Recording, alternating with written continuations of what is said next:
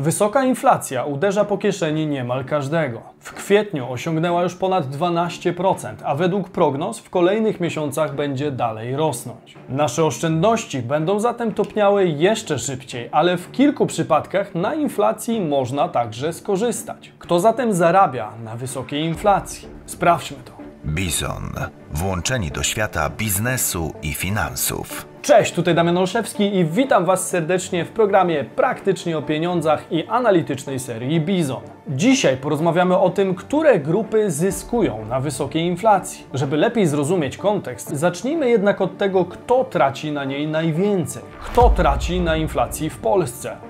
W skrócie można byłoby powiedzieć, że wszyscy, ponieważ każdy z nas kupuje coraz drożej. Natomiast u niektórych osób w ciągu zaledwie kilku miesięcy wysoka inflacja pogorszyła sytuację diametralnie. Kredytobiorcy tracą płynność. Wysoki poziom inflacji, która wyrwała się spod kontroli NBP, uruchomił mechanizm podwyżek stóp procentowych. W maju podwyższono je już ósmy raz z rzędu. W wielu przypadkach raty kredytów oparte na zmiennym oprocentowaniu i zależne od poziomu WIBOR-u podskoczyły nawet o ponad 100%. Najprawdopodobniej obecny poziom głównej stopy procentowej nie jest jeszcze na poziomie docelowym, a Rada Polityki Pieniężnej szykuje kolejne podwyżki. To oznacza dalszy wzrost rat kredytowych i wśród kredytobiorców, z których wielu może sobie nie poradzić z rosnącymi zobowiązaniami. Biorąc pod uwagę to, że wiele osób w Polsce nie ma większych oszczędności, to problemy płynnościowe tej grupy mogą narastać. Aby pomóc kredytobiorcom, wprowadzono ostatnio programy pomocowe w postaci wakacji kredytowych, zwiększeniu puli w Funduszu Wsparcia Kredytobiorców i niedalekiej likwidacji WIBOR-u. Programy te okazały się kroplą w morzu potrzeb, co opisałem w jednym z poprzednich odcinków, który znajdziecie tutaj. Jedynie rezygnacja ze wskaźnika WIBOR wydaje się być czymś, co może realnie zmniejszyć raty kredytowe i mieć wpływ na budżet kredytobiorców. Reszta to dodatki pomagające utrzymać płynność. Do tego jednak długi czas, bo zmiana ma wejść w życie od przyszłego roku, a póki nowy wskaźnik nie zostanie ogłoszony,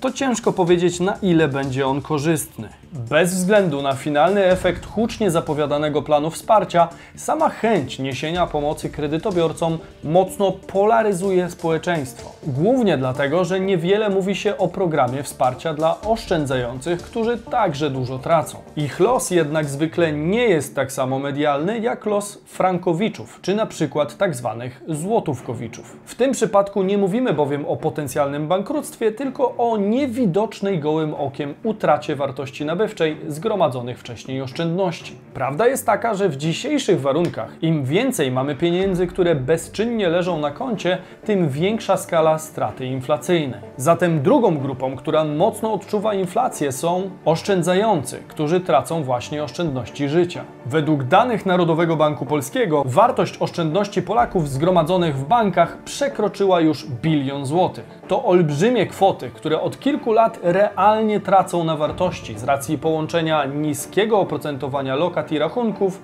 z rosnącą wciąż inflacją. Jeżeli inflacja utrzyma tempo wzrostu, to na koniec roku każdy oszczędzający będzie musiał pożegnać się z więcej niż jedną dziesiątą swoich oszczędności. O tych osobach nierzadko się zapomina, choć to właśnie oni odmawiają sobie często bardzo wiele, aby dojść do obecnej ilości zaoszczędzonych pieniędzy. Wiemy już, kto traci najwięcej. Pytanie zatem, kto zyskuje? Kto zyskuje na wysokiej inflacji? Sporo mówi się o kredytobiorcach, którzy płacą coraz wyższe raty. Nie mówimy natomiast o jednym dość istotnym efekcie, którego również obecnie doświadcza każdy dłużnik.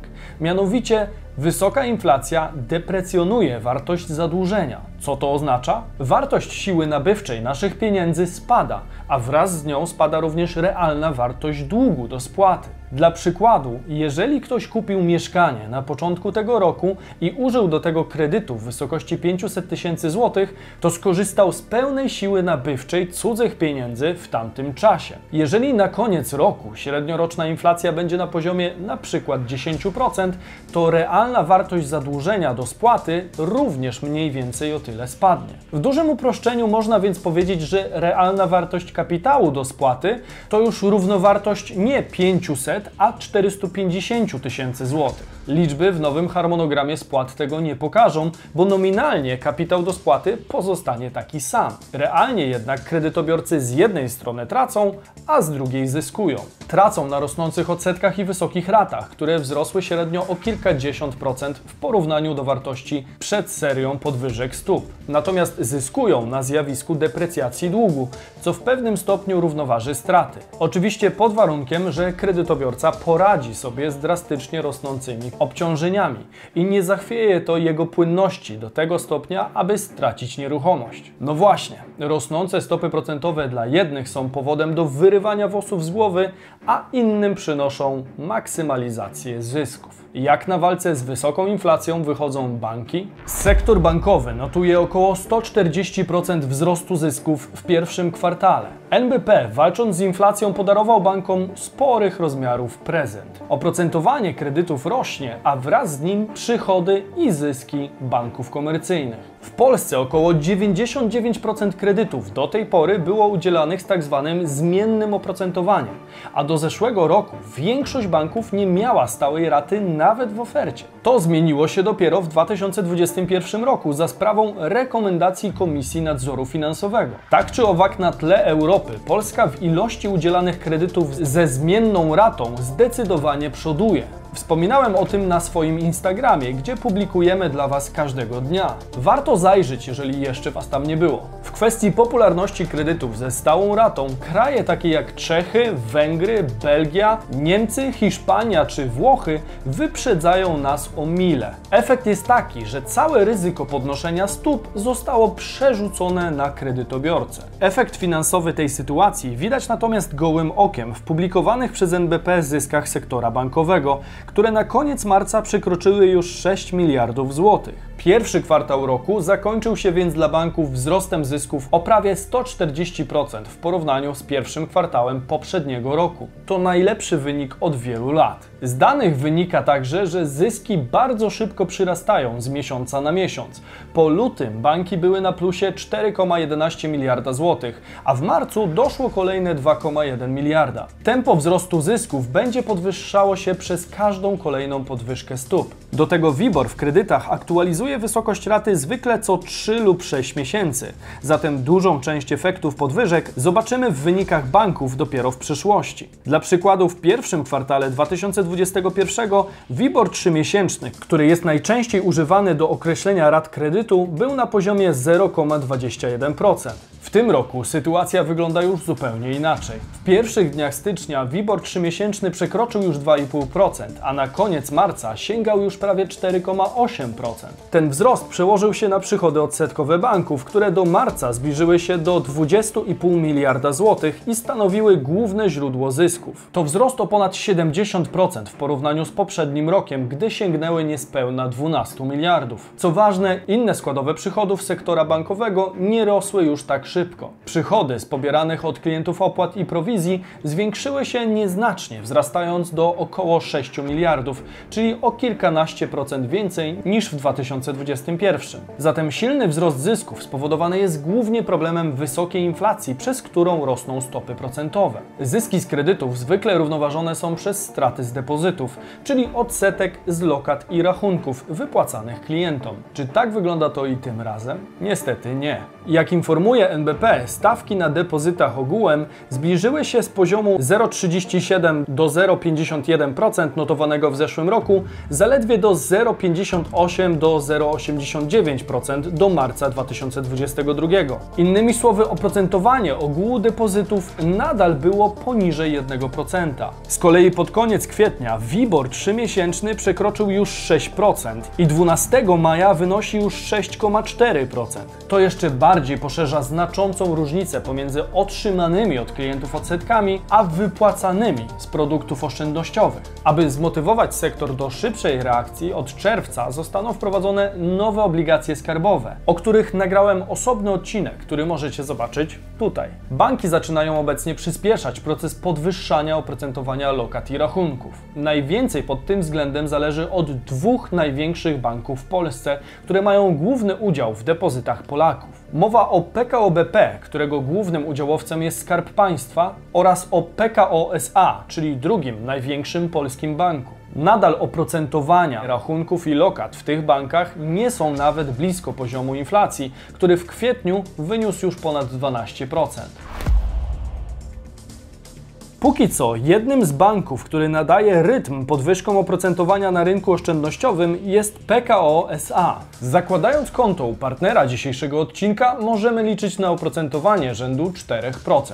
Wiem, że to nadal niewiele w stosunku do inflacji, ale w ten sposób możemy choćby osłabić jej oddziaływanie na nasze oszczędności. PKO SA wypłaca także dodatkowe 200 zł za założenie konta i spełnienie kilku prostych warunków. Tym z Was, którzy korzystają wyłącznie z produktów bankowych albo chcieliby mieć stały dostęp do swoich środków, taki rachunek na 4% może się przydać. Możemy z niego w każdej chwili wypłacić środki. W obecnej chwili dostępność gotówki jest ważna, po pierwsze z uwagi na niepewną sytuację, po drugie z racji polepszających się dynamicznie ofert. Mrożenie pieniędzy na lokacie terminowej może okazać się ryzykowne, kiedy za kilka tygodni oferty na rynku mogą być po prostu lepsze. Jeżeli widzicie w tym wartość dla siebie i chcielibyście skorzystać z rachunku, jednocześnie wspierając rozwój naszego kanału, to zapraszam do linka, który znajdziecie w opisie odcinka oraz przypiętym komentarzu. Kolejnym beneficjentem wysokiej inflacji w krótkim terminie jest rząd, który polepsza stosunek zadłużenia państwa do PKB.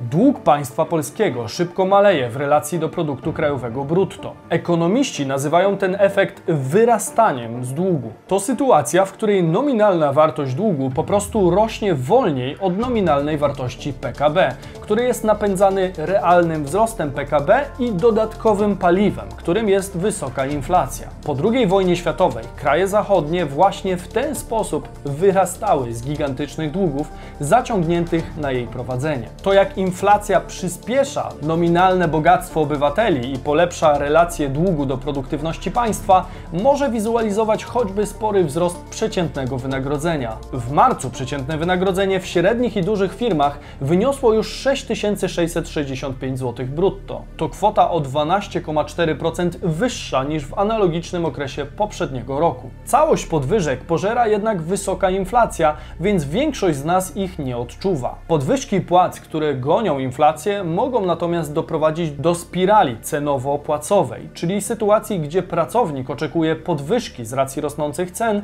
a następnie ceny rosną z racji rosnących kosztów przedsiębiorstwa. W relacji do długu państwowego nominalne kwoty pozostają takie same, ale inflacja deprecjonuje dług, podobnie jak to ma miejsce w przypadku kredytobiorców i zwiększa PKB. Coraz więcej osób wskazuje także na celowość inflacji, która miałaby pozbawić świat problemu związanego z wysokim zadłużeniem poszczególnych państw. To oczywiście tylko teoria, natomiast władza polegająca na emisji pieniądza przez banki centralne i całkowitej kontroli nad jego podażą budzi kontrowersje od wielu lat. Trzeba jednak pamiętać, że wysoka inflacja zwiększa również koszty po stronie państwa i długoterminowo nie jest zjawiskiem korzystnym dla gospodarki. Rośnie też koszt obsługi zadłużenia i zaciągania kolejnych pożyczek u banków, inwestorów i obywateli za pomocą emitowanych obligacji. Konsumenci zyskują kupując. Walka NBP z inflacją w postaci kolejnych podwyżek stóp ma za zadanie spowolnić popyt i usunąć część pieniędzy z rynku. Obecna inflacja jest wywołana w dużej mierze problemami podażowymi, wynikającymi z zerwanych łańcuchów dostaw. Najpierw przez pandemię, a teraz przez działania zbrojne Rosji na Ukrainie. W oba kryzysy zaangażowany jest niemal cały świat, a układ sił się zmienia. Podaż nie nadąża za popytem, a ceny rosną. Jest to zauważalne w wielu sektorach, które często są ze sobą powiązane. Brak gazu czy węgla z Rosji przekłada się na wyższe ceny gazu i węgla na rynku hurtowym. Te z kolei przekładają się na wyższe ceny i rachunki. Możliwe zakłócenia w transporcie ropy i zmiana ich kierunku kończy się wyższymi cenami na stacjach paliw. Brak części do aut kończy się niższą ich dostępnością i wzrostem cen samochodów itd. itd.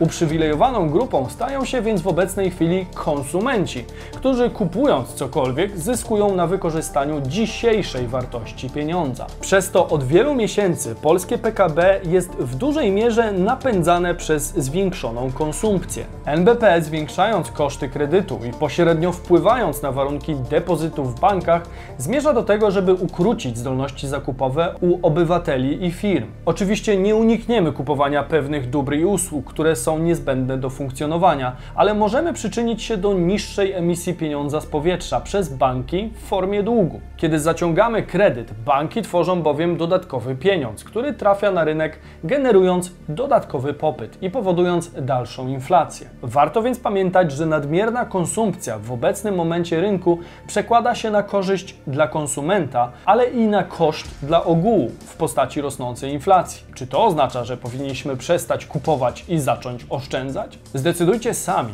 bo to wasze pieniądze. Tym z Was, którzy zdecydują się na wyrabianie nawyku oszczędzania, polecam rachunek oszczędnościowy w PKO SA na 4%. Znajdziecie link w opisie filmu oraz w przypiętym komentarzu. Jeśli ten odcinek był dla Was wartościowy, to warto go udostępnić i subskrybować kanał czerwonym przyciskiem na dole, aby nie przegapić kolejnych filmów. Inne ciekawe produkcje znajdziecie po mojej prawej i lewej stronie. Zostawcie hashtag Bizon w komentarzu, a my widzimy się standardowo w sobotę i niedzielę o 15. Cześć!